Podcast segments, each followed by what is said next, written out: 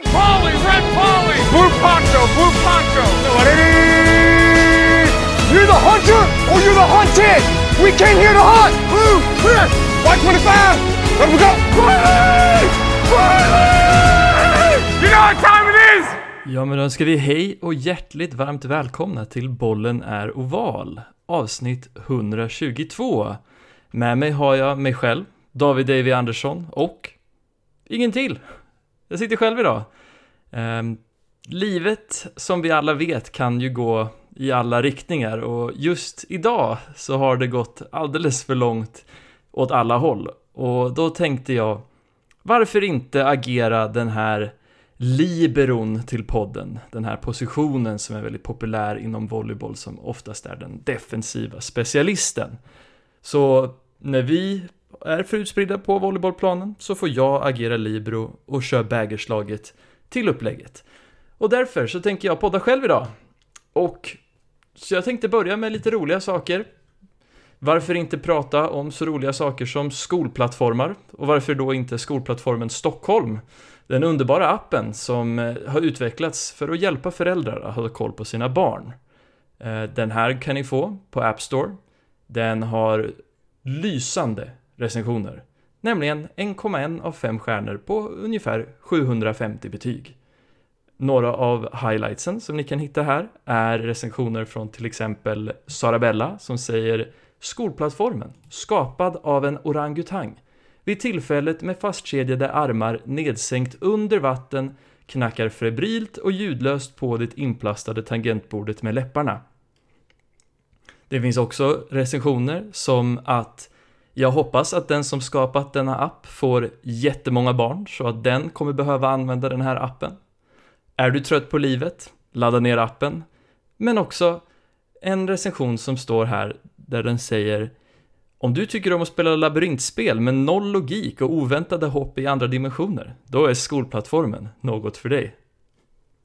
Och apropå betyg, så tänkte jag varför inte avsluta den här försäsongen med att märka ut mina Rookie Power Rankings och damm, ja, vad ska man säga, sätta fram den officiella listan.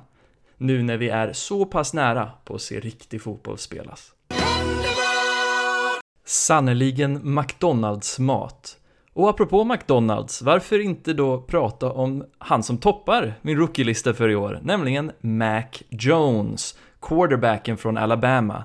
Lite av en chock faktiskt, precis som nyheterna när han, när det kom ut att han kommer ersätta Cam Newton, och Cam Newton släpps till och med från laget, att han kommer bli den nya officiella quarterbacken för New England Patriots, en rookie.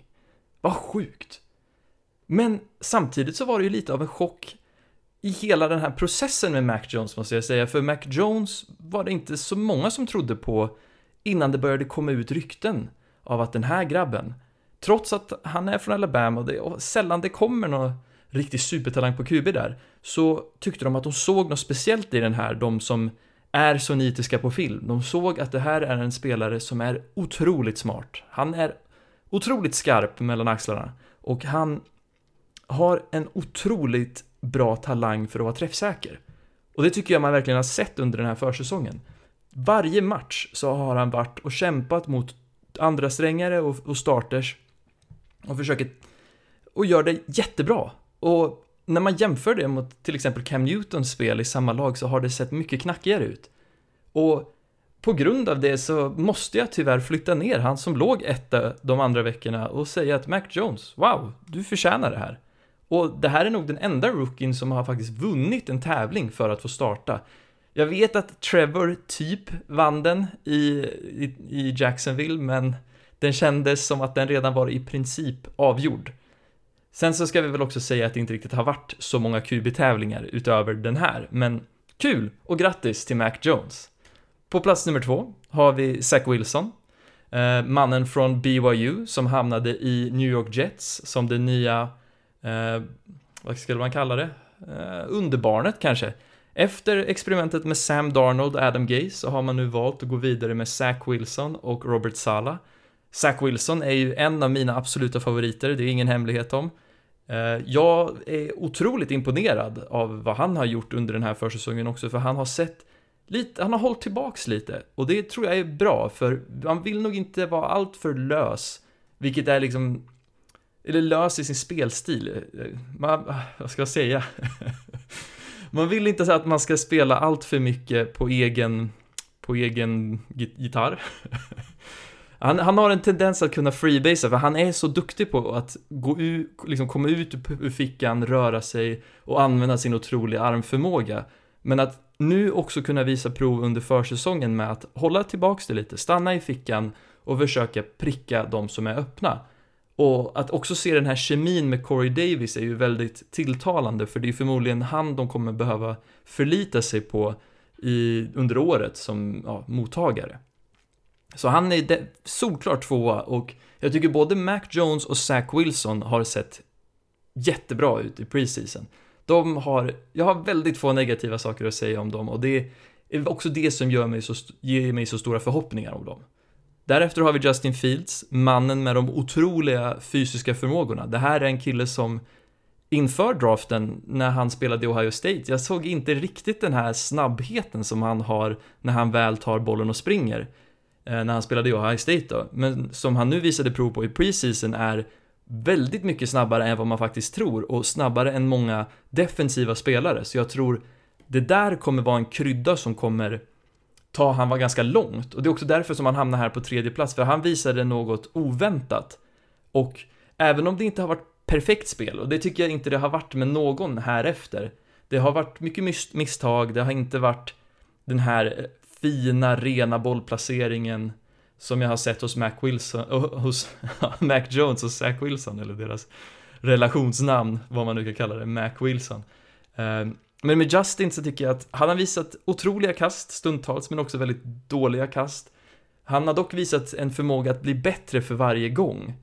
Och precis som han som kommer på plats nummer fyra, Trevor Lawrence från Clemson, så har de visat den här stadiga förbättringen och även om det kanske inte ser helt fläckfritt ut än så ger de mig väldigt höga förhoppningar om att de kommer nå det någon gång.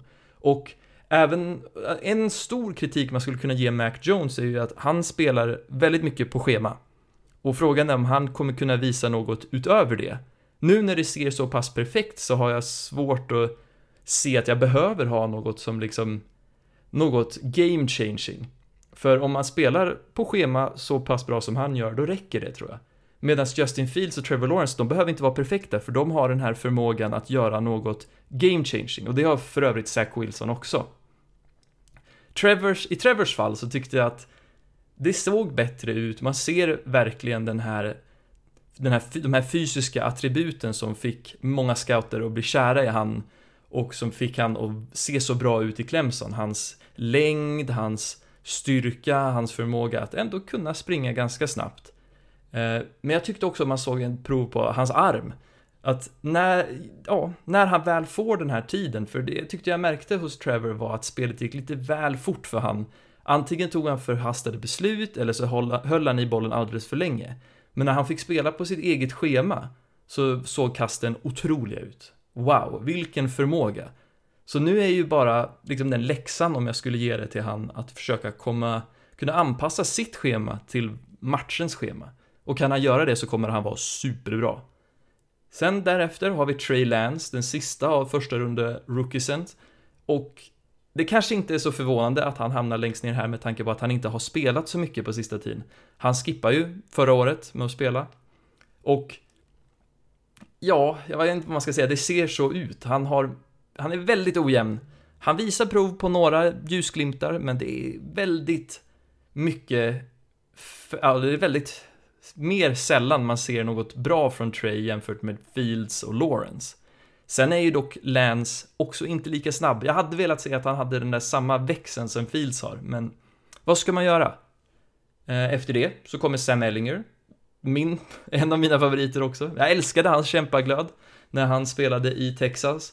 Och han har visat prov på det här i Colts också. Han, han gjorde det ändå lite intressant om vem som potentiellt kunde starta mellan han och Jacob Eason eh, om Carson inte hade blivit frisk så pass fort. Nu när Carson Wentz skadade sig under försäsongen. Och jag tycker det man ser med Ellinger är att han överraskade mig lite också. Han har ju ändå lite han har ju ändå den här fysiska förmågan att kunna hänga med, även om den är verkligen på gränsen. Men han visar verkligen prov med den här kämparglöden och ändå ganska skarpa huvudet måste jag säga. Han tar ganska bra beslut. Sen så kanske han har någon sorts övertro till sin fysiska förmåga, vilket jag tror många rookies ofta har, att de har märkt att de kunnat använda sina fysiska förmågor eller attribut för att bara vara bättre än folk i college, medan det inte riktigt funkar i NFL när nivån är lite högre. Eh, därefter har vi Davis Mills, Ian Book, Kellen Mond, quarterbacksen från Stanford, Notre Dame och Texas A&M. Här har det sett, ja, väldigt få ljusglimtar, men man har ändå sett någon sorts upside, skulle jag säga. Och jag vet inte, det, det känns som att det här kommer nog aldrig riktigt bli något. Jag vill inte ropa, jag vill inte säga något dumt liksom, men i Kellen Monds fall så hade jag ändå lite förhoppningar på att han skulle visa någonting, för han har otroliga fysiska förmågor. Men han visade aldrig riktigt prov på det och att det tog sån tid att komma in i laget har fått mig att svalna lite på han, men vem vet? Ian Book och Davis Mills hoppas jag att de överraskar mig, för de är jag inte hög på alls, men jag tyckte ändå att de var bättre än Kellen, just för att de ändå såg ut att på något vis vilja kämpa för laget. kanske är hemskt där, så säger det om Kellen, men Ja, jag vet inte fan. Jag hoppas det bästa för dem. Vi får kanske få se dem under säsongen och då kanske jag kan ändra min uppfattning om dem.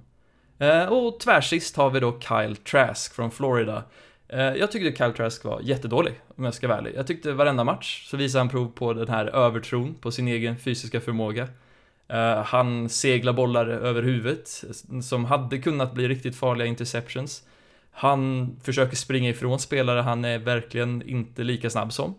Och han har fått ganska mycket speltid, men ja, det har inte sett bra ut. Så jag tror att Tom Brady inte behöver se sig om speciellt mycket, eller se, sig, se bakom sig speciellt mycket, för att Kyle Trask för mig är jag otroligt låg på. Så det är min lista. Mac Jones toppar den, Kyle Trask i botten, eh, topp 5, om man kollar på de här runda 1-rookiesen, är då Mac, Zach Wilson, Justin Fields, Trevor Lawrence och Trey Lance. Så kul, det är lite omkastat. Det är inte alls så att Trevor är den bästa som man blev ledd till att tro inför draften. Sannerligen spagat. Och lite matcher då. Det hände ju för första gången på skitlänge. Eh, så vi ska väl bara ränna igenom de här. Jag har faktiskt samlat på mig påsarna från Erik och Anders i förväg, så ni som hade velat se det här käbblet om påsar. Jag ska göra mitt bästa och simulera deras eh, påsplock också. Eh, så här har vi nu på torsdag natt så spelar Dallas i Tampa Bay mot de försvarande Super Bowl-mästarna Tampa Bay Buccaneers. En, eh, ett slag mellan två toppen quarterbacks i form av Dak Prescott för Dallas och Tom Brady för Tampa Bay Buccaneers. Känns som, ja, öknen, eller vad man nu ska kalla det, eh, säger man, sportboken, de eh, sätter ett ganska kraftigt handikapp här på cowboys på plus 9 poäng för att få jämna odds och jag ser nog att det är ganska representativt. Jag, jag håller med eh, sportboken här att Tampa är väldigt stora favoriter för det man såg med Tampa Bay förra året var att de började lite långsamt, var lite inkonsekventa, hade lite problem med skador just på receiverfronten. Men när alla väl kom tillbaks så var de ett tåg som knappt gick att stoppa, för det här är nog ett av de, stark de starkaste trupperna i hela NFL. Både på försvar och på anfallssidan. Och om man tittar på Dallas, även om Dak Prescott i början på säsongen var på väg att slå alla möjliga rekord med hur mycket yards han samlade på sig, så var det här fortfarande ett väldigt turnover-drabbat anfall. Eh, jag skulle också säga att truppen runt Dak på anfallssidan är väl okej. Okay. Wide receiver är de väldigt tunga på. Sik vet jag fan vad vi får där. Men just på försvarssidan så vet jag inte. Micah Parsons är väl en sorts kul eh, krydda på deras försvar och se om han kan rädda upp lite. Eh, de hade ju jättestora problem med sin defensiva koordinator förra året som gjorde ett alldeles för komplicerat scheme. Men nu så ska de ju ha tagit in eh, Dan Quinn, den gamla sport, eller huvudtränaren för Falcons. Så vi får se. Eh, jag är väldigt tung på Tampa Bay här i alla fall. Sen på söndag så har vi en hel radda med klockan sju matcher och vi börjar med att plocka Philadelphia Eagles som spelar i Atlanta mot Atlanta Falcons. Eh, sportboken ger 3,5 poäng i fördel till Philadelphia Eagles och jag är nog... Ja, jag, jag tycker det är rätt att man lägger den här... Att man ger fördelen till Eagles, för jag tror att de är ett svagare lag än Atlanta Falcons, för även om båda lagen skulle jag säga är väldigt talangfattiga på flera positioner. Jag tror, det, det kan vara ett kul experiment för er att försöka nämna en cornerback på deras, de här två lagen, som inte är A.J. Terrell då. Och det är, ja, svårt, tror jag att det är. Uh, Darius Slay, kanske i Philadelphia Eagles, vem vet? Jalen Hurts kommer att vara quarterback för Philadelphia Eagles, uh, och i Falcon så har vi tillbaks Matty Ice.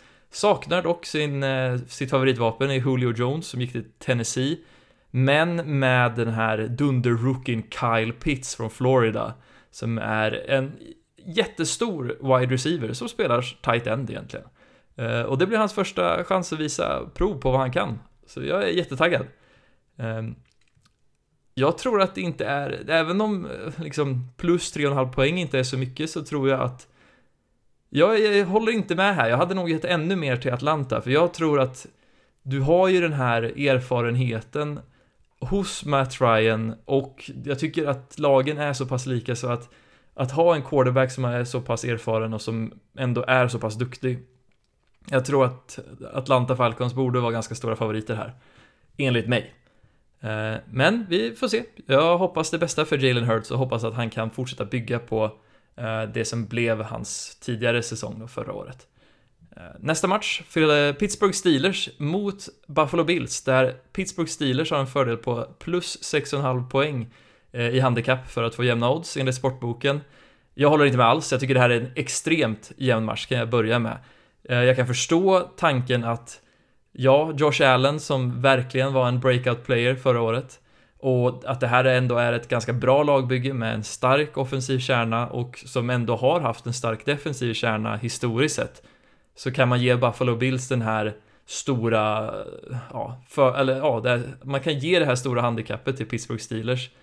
Men Pittsburgh är ju inte ett dåligt lag. Jag förstår inte varför folk undervärderar det Pittsburgh gjorde förra året. Visst, de kollapsar lite i slutet på säsongen, men nu har de ändå fått det här året att vila på sig och de har också fått en kapabel running back, för förra året så hade de bara skit där.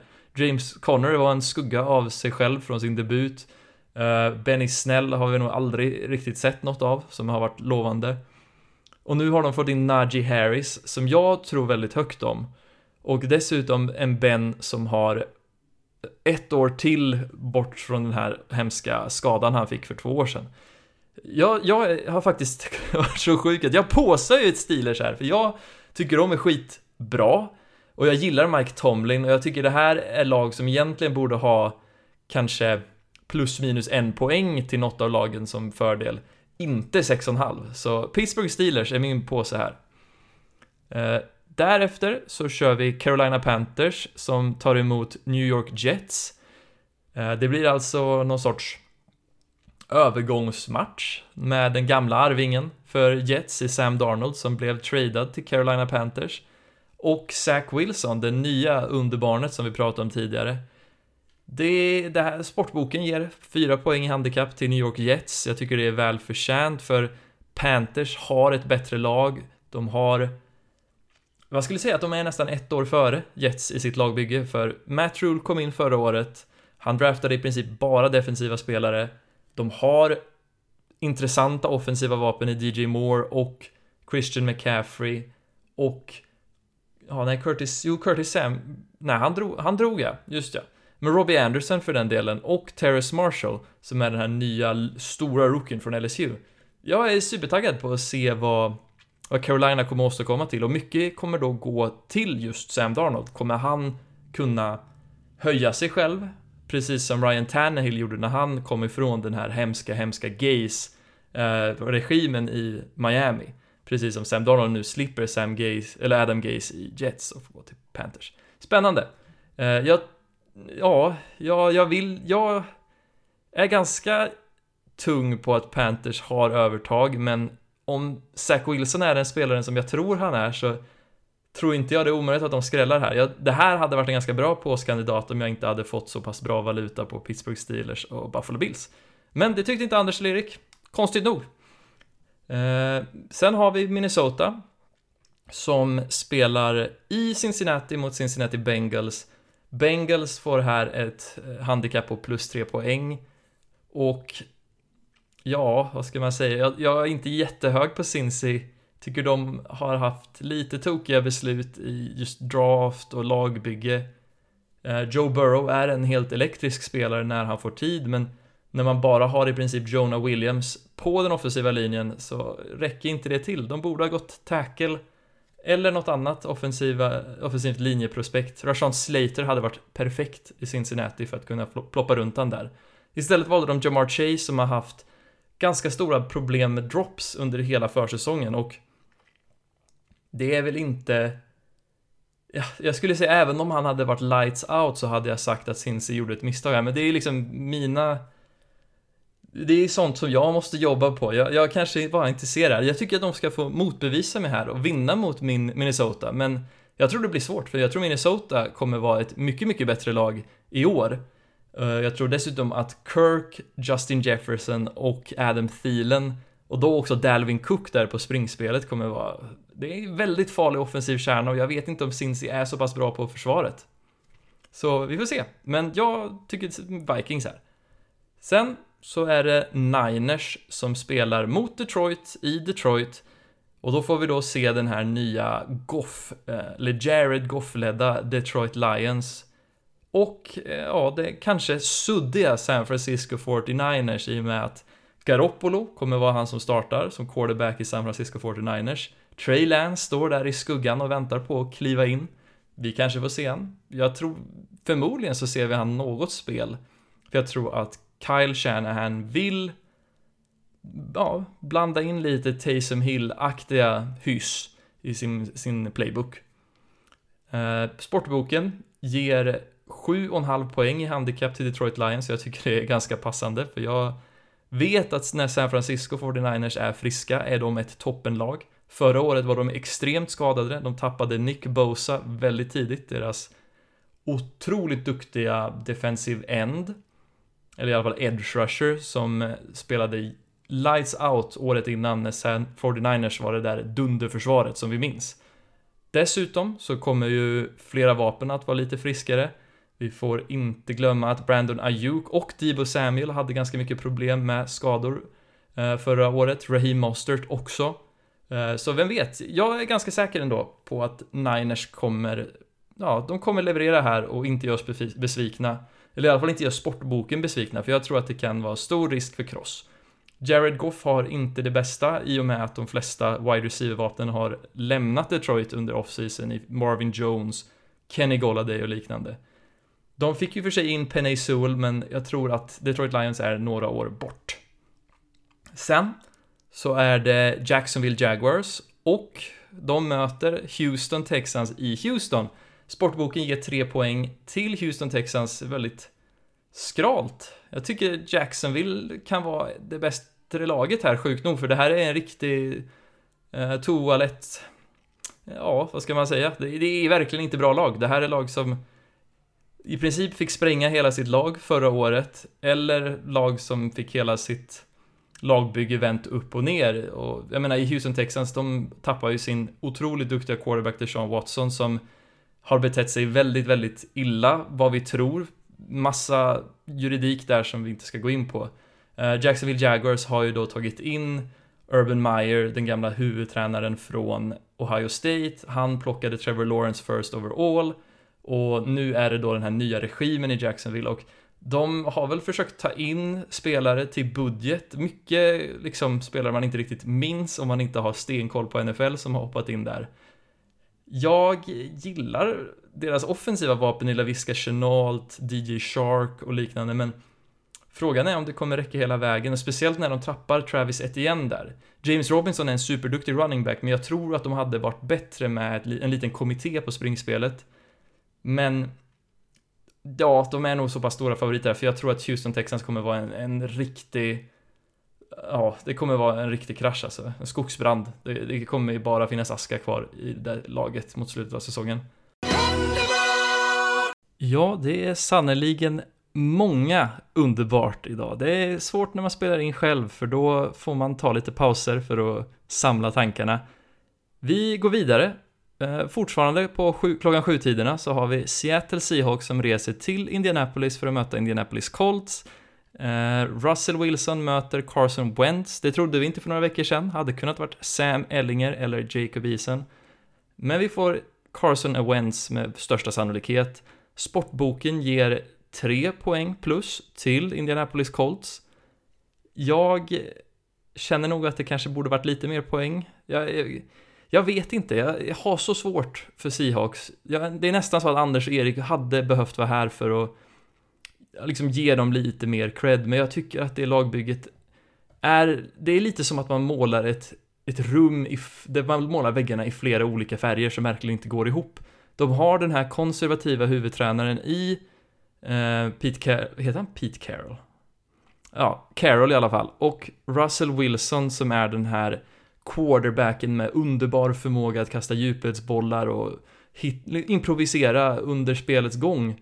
Och jag tycker liksom, där klaffar det inte riktigt. Och sen så har de behövt snickra om sitt försvar som var dåligt i början av förra säsongen, men som blev bättre mot slutet. De hittade väl någon sorts kemi där för när de väl Jamal Adams var på plats. Eh, om man tittar på Colts på andra sidan känns det som ett ganska bra lagbygge som bara saknar stjärnspelare egentligen, för Colts har ju ett bra försvar. De eh, tjänade otroligt mycket på att trada till sig DeForest Buckner förra året och han kommer förmodligen vara lika bra i år. Carson Wentz fick ta över efter Philip Rivers. Jag tror inte det är så pass stort steg ner där. Jag tror dock att det här laget kommer leva väldigt mycket på att använda sig av eh, sina, ja, eller sin kommitté av running backs i form av Nahim Hines och Eh, Jonathan Taylor. Och speciellt Jonathan Taylor som jag tror kan ha ett toppenår i år. De har ju lite spännande wide receiver-vapen också, men Paris Campbell till exempel, men också eh, Michael Pittman är ju spelare som inte riktigt har kommit igång. Jag tror Pittman är väl den som har varit närmast till att vara något bra, medan T.Y. Hilton har ju varit toppenbra i historiskt sett, men som börjar ha mer och mer skador, så jag vet inte riktigt hur det blir med Colts här. Jag tror att det är ett lag som kommer starta lite långsammare. Eh, Seattle kan vara hur som helst men jag ger dem fördelen här. Sen går vi vidare. Eh, då har vi Arizona Cardinals som åker till Tennessee och möter Tennessee Titans. Sportboken ger 3 poäng plus till Arizona Cardinals. Cardinals som enligt mig lever på sin magi som skapas av deras quarterback Kyler Murray som är en otroligt elektrisk talang. Den här personen, eller den här mannen har sån potential. Han är som att man skulle slänga ihop Josh Allen och Lamar Jackson i fysisk förmåga. Och det visade han också prov på förra året, för han har ju den här otroliga snabbheten och förmågan att springa som räddade Cardinals flera matcher förra året. Och de var ju på väg att nå slutspel, men sen tappade de hjulen mot slutet där på sin, Eh, sin slutspelsvagn. Medan Tennessee egentligen är samma lag som de varit de senaste åren. Och det är det här stora fysiska laget med stora spelare som egentligen bara straffar en. De har A.J. Brown på utsidan, de har tradat till sig Julio Jones, så de är ännu farligare på anfallet. Tappade i och för sig Corey Davis, men jag skulle säga att det är en uppgradering att få in Julio Jones där. Och sen Derek the King Henry, mannen som sprang för 2000 yards förra året, något som bara åtta spelare i historien har gjort. Eh, och Ja, jag vet inte vad man ska säga. Det, de hade problem med förra året var väl försvaret. De tog några svingar på eh, edge-försvarare som inte riktigt funkar i Vic Beasley och var de en av dem som alltid, någon, någon av dem som tog chansen på den här och då, ja, Davion Clowney, en spelare som sällan har varit i min gunst åtminstone. Jag tycker han har varit ganska överhypad och sällan bidragit till bra produktion. Men där kan jag fel. Men i år så har de valt att drafta Caleb Farley och han verkar ju ändå kunna spela. Jag trodde inte det, för han var ju tvungen att operera ryggen i draften, vilket gjorde att han tappade sin nummer ett position som liksom det här största draftprospektet för cornerbacks till JC Horn och Patrick Sertan, men annars tror jag att Caleb Farley hade gått först av alla. Vi får väl se om det har påverkat han någonting, men jag skulle se Tennessee Titans som otroligt stora favoriter här och det enda som skulle kunna ändra det är Arizona Cardinals förmåga att skapa magi i form av Kyler Murray. Deras vapen runt om bryr jag mig inte så mycket om för alla känns så tillbakahållna av Cliff Kingsburys system. Men vem vet, jag kanske har fel. Jag hoppas att de motbevisar mig här. Eh, sen som sista match klockan sju så är det Chargers som åker från Los Angeles och möter Washington Football Team i Washington. Och här är det otroligt jämnt. Sportboken ger bara en poäng till Washington Football Team och det här är ju en väldigt spännande match. Det här är nog den jag kommer titta mest på. För Justin Herbert kom från ingenstans förra året och var helt otrolig. Vilken rookie-talang. Och slog flera rekord som rookie, ja, som rookie QB. Och sen åt andra sidan så har vi Washington Football Team som draftade Chase Young, den här otroliga atleten från Ohio State. Som, eh, ja, han höjde väl deras försvar och deras försvar börjar se väldigt komplett ut. De hade, har väl haft problem med quarterback ett ganska bra tag sedan Kirk Cousins gick därifrån. Och det skulle inte förvåna mig om de har hittat guld nu när de har fått in Ryan Fitzpatrick. Eh, sportboken har helt rätt här. Det här. Jag vet inte vem som är favoriter här. Det hänger helt på hur matchen utspelar sig. Ja, vi, ja, säg inte så mycket, men ja, hur, hur det ser ut på matchdag. Jag är otroligt kär i Ryan Fitzpatrick och Terry McLaurin och tror att det där kan vara en dunderduo. Sen på andra sidan så tänker jag att Justin Herbert förmodligen bara kan bli bättre, men vem vet? Eh, hade jag absolut behövt, behövt välja någon så väljer jag fotbollteam här. Om vi sen går över till klockan 10-tiderna, eller halv 11, så har vi Cleveland Browns som reser till Kansas City och möter Kansas City Chiefs. Och här påsar Erik, nej, det är Anders som påsar Browns här. Och sportboken ger han en, eller ger Browns ett handikapp på plus 5,5 poäng. Vilket är helt sjukt för de har ju så pass liknande liksom, lagbyggen om man säger så. Om man tittar på laget och tar bort quarterbacken så tycker jag Cleveland Browns nästan har det bättre laget. Men när man väl stoppar tillbaks quarterbacken Patrick Mahomes från Kansas City mot Baker Mayfield i Cleveland så ja, det är ganska tungt åt Patrick Mahomes fall hållet. Jag känner inte riktigt att jag har koll på Baker Mayfield än. Folk säger att han spelade väldigt bra mot slutet av förra säsongen. Jag tyckte inte riktigt jag såg tillräckligt för att ge han någon sorts topp 10 i NFL-krona. Han är, ja, jag tycker Dan Hanses beskrev han ganska bra i något tidigare avsnitt av Around NFL, att han är över Dalton-linjen, den här linjen för att mäta om man är en above average eh, franchise quarterback. Och, men han är liksom inte mycket mer än så. Han är runt där, Kirk Cousins, Jimmy Garoppolo åt det hållet. Och jag vet inte, han är fortfarande ung, otroligt ung, och han var elektrisk i Oklahoma, så vem vet? Han kanske blir något helt otroligt. Men jag väljer inte att gå med Anders tankar här. Jag tycker att Kansas City borde ta den här ganska safe. Eh, vi går vidare. Miami Dolphins möter New England Patriots i New England och sportboken ger tre poäng till Miami Dolphins som handikapp. Jag tycker det är för mycket. Det här är otroligt jämnt. Jag undrar nästan varför Dolphins ens får handikapp, för Dolphins är det bättre laget. Kanske är det historiskt att det är svårt att slå New England i New England, så att säga. Men det var också på Tom Brady-tiden. Nu tror jag mer det kanske blir så att det är svårt att slå Tampa Bay i Tampa Bay. Men vem vet? Jag är otroligt hög på båda coacherna, eller tränarna. Jag tänker, jag tycker Bill Belichick och Mike Flores är, nej, Brian Flores är otroligt duktiga tränare. Lagbygget ser tämligen starkare ut för Miami Dolphins. New England gick ut och tog in massa nya talanger i form av Hunter Henry, Jonas Smith, Nelson Aguilar, Matthew Judon och jag vet inte. Det, det, Mac Jones som startar för New England Patriots också, den här rookie quarterbacken från Alabama, medan andra års quarterbacken i Miami, Tua Tagovailoa, också är från Alabama. Oj, oj, oj, vad spännande. Jag vill nog gå Miami här, mest för att jag tror så pass mycket på Miami i år.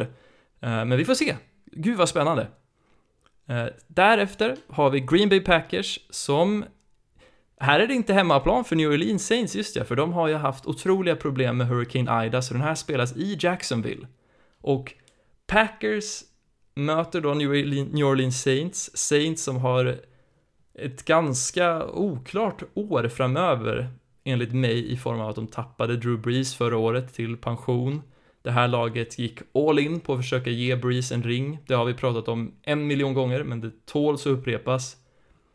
Att det här laget är lite, ja, man börjar se hål för de hade inte råd att betala alla och de släppte iväg massa spelare. Green Bay ser ut att vara i stort sett samma lag, kanske att de tappat lite spelare på offensiva linjen, men deras supertalang Eliton Jenkins tror jag väger upp mycket där. Jag är ganska hög på Green Bay. Jag tycker att de borde vinna med åtminstone en eller till och med två touchdowns. Sportboken tänker plus fyra poäng till Saints, men vem vet? Jamie Winston som är deras starter kan ju vara magisk, men jag skulle inte slå vad om det. Sista, eller till sist av matcherna som är klockan halv elva så har vi Denver Broncos som reser till New York för att möta Giants. Sportboken ger tre poäng till Giants och här påsar Erik Giants till mitt förtret. Jag tycker det är ett bra plock, för jag tycker den här matchen är otroligt jämn. Jag tycker inte Giants borde ha ett handikapp här, för det här är två lag som har så mycket att bevisa. Det är, oh, det här är en sån match som är så viktig. För båda lagen är ju lite på sitt sista rep med många spelare. Kommer Vic Fangio få något mer, eh, något mer liksom till år om det går dåligt i år? Kommer Joe Judge, eller för den delen Daniel Jones, att ha någon framtid i New York ifall det inte fungerar i år? Det är två lag som har byggt och byggt och byggt och de har så pass mycket bra, spännande unga bitar, men kommer allting att klaffa?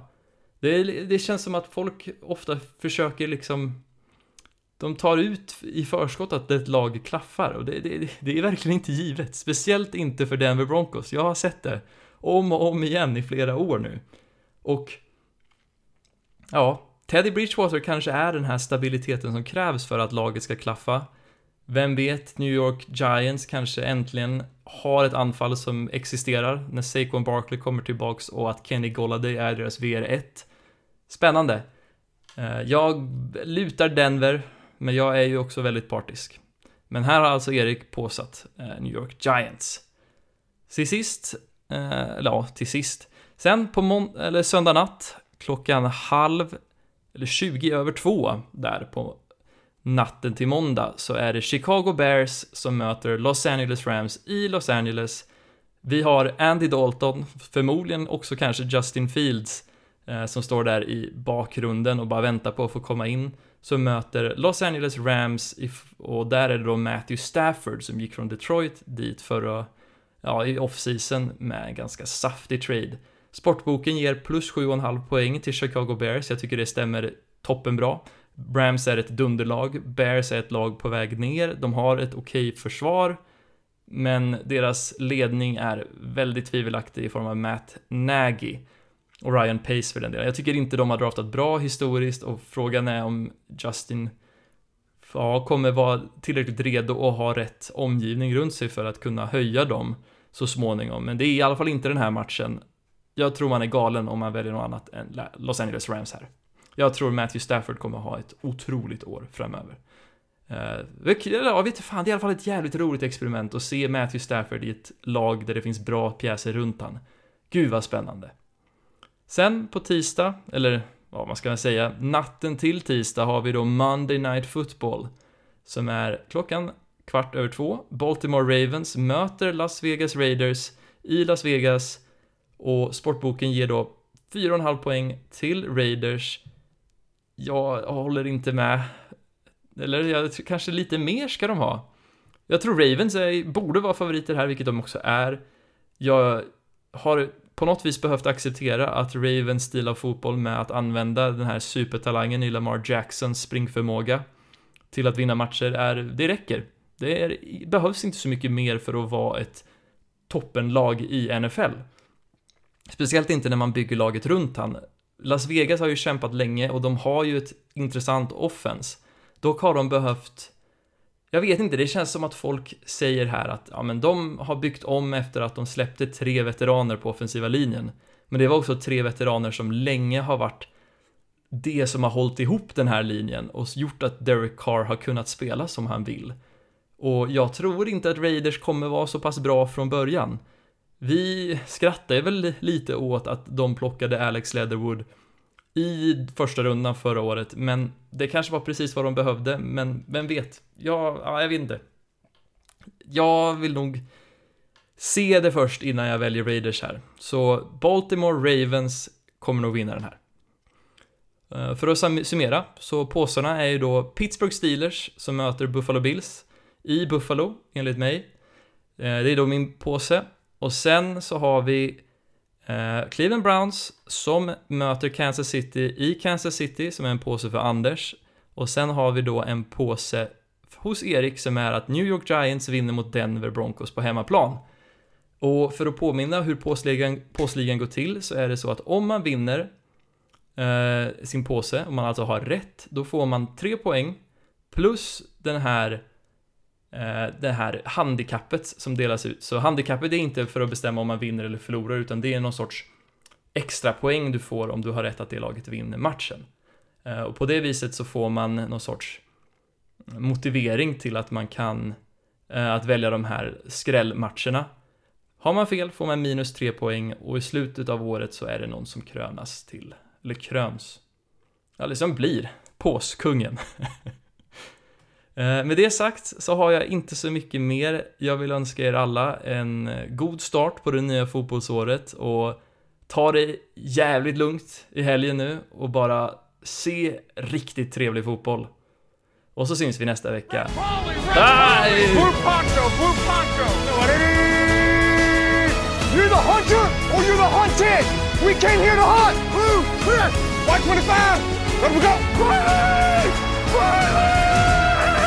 Your time!